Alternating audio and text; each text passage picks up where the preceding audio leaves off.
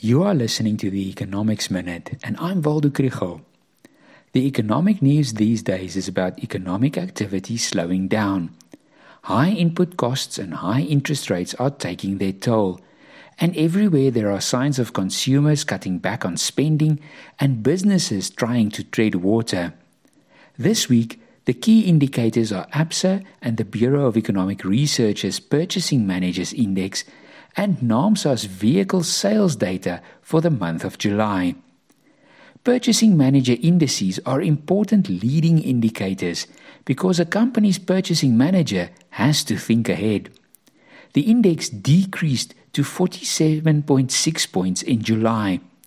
Load shedding and the slower growth of the international economy played a role in making purchasing managers concerned about business prospects.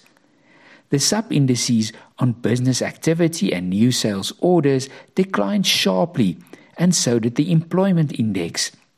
The purchasing price index is still high, but shows that increases in costs are becoming smaller. NAAMSA's vehicle sales data for July should be read very carefully. In total, there was an increase in the number of vehicles sold from 41,019 vehicles in June to 43,593 vehicles in July.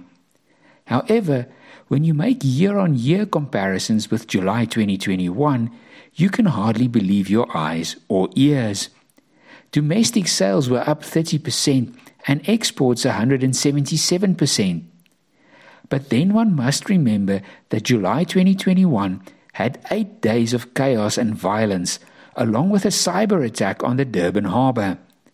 Vehicle sales were very low, and today's normalcy looks like a huge improvement.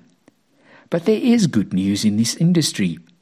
Around 10% of this July's sales was to the vehicle rental industry, which says something positive about the tourism industry.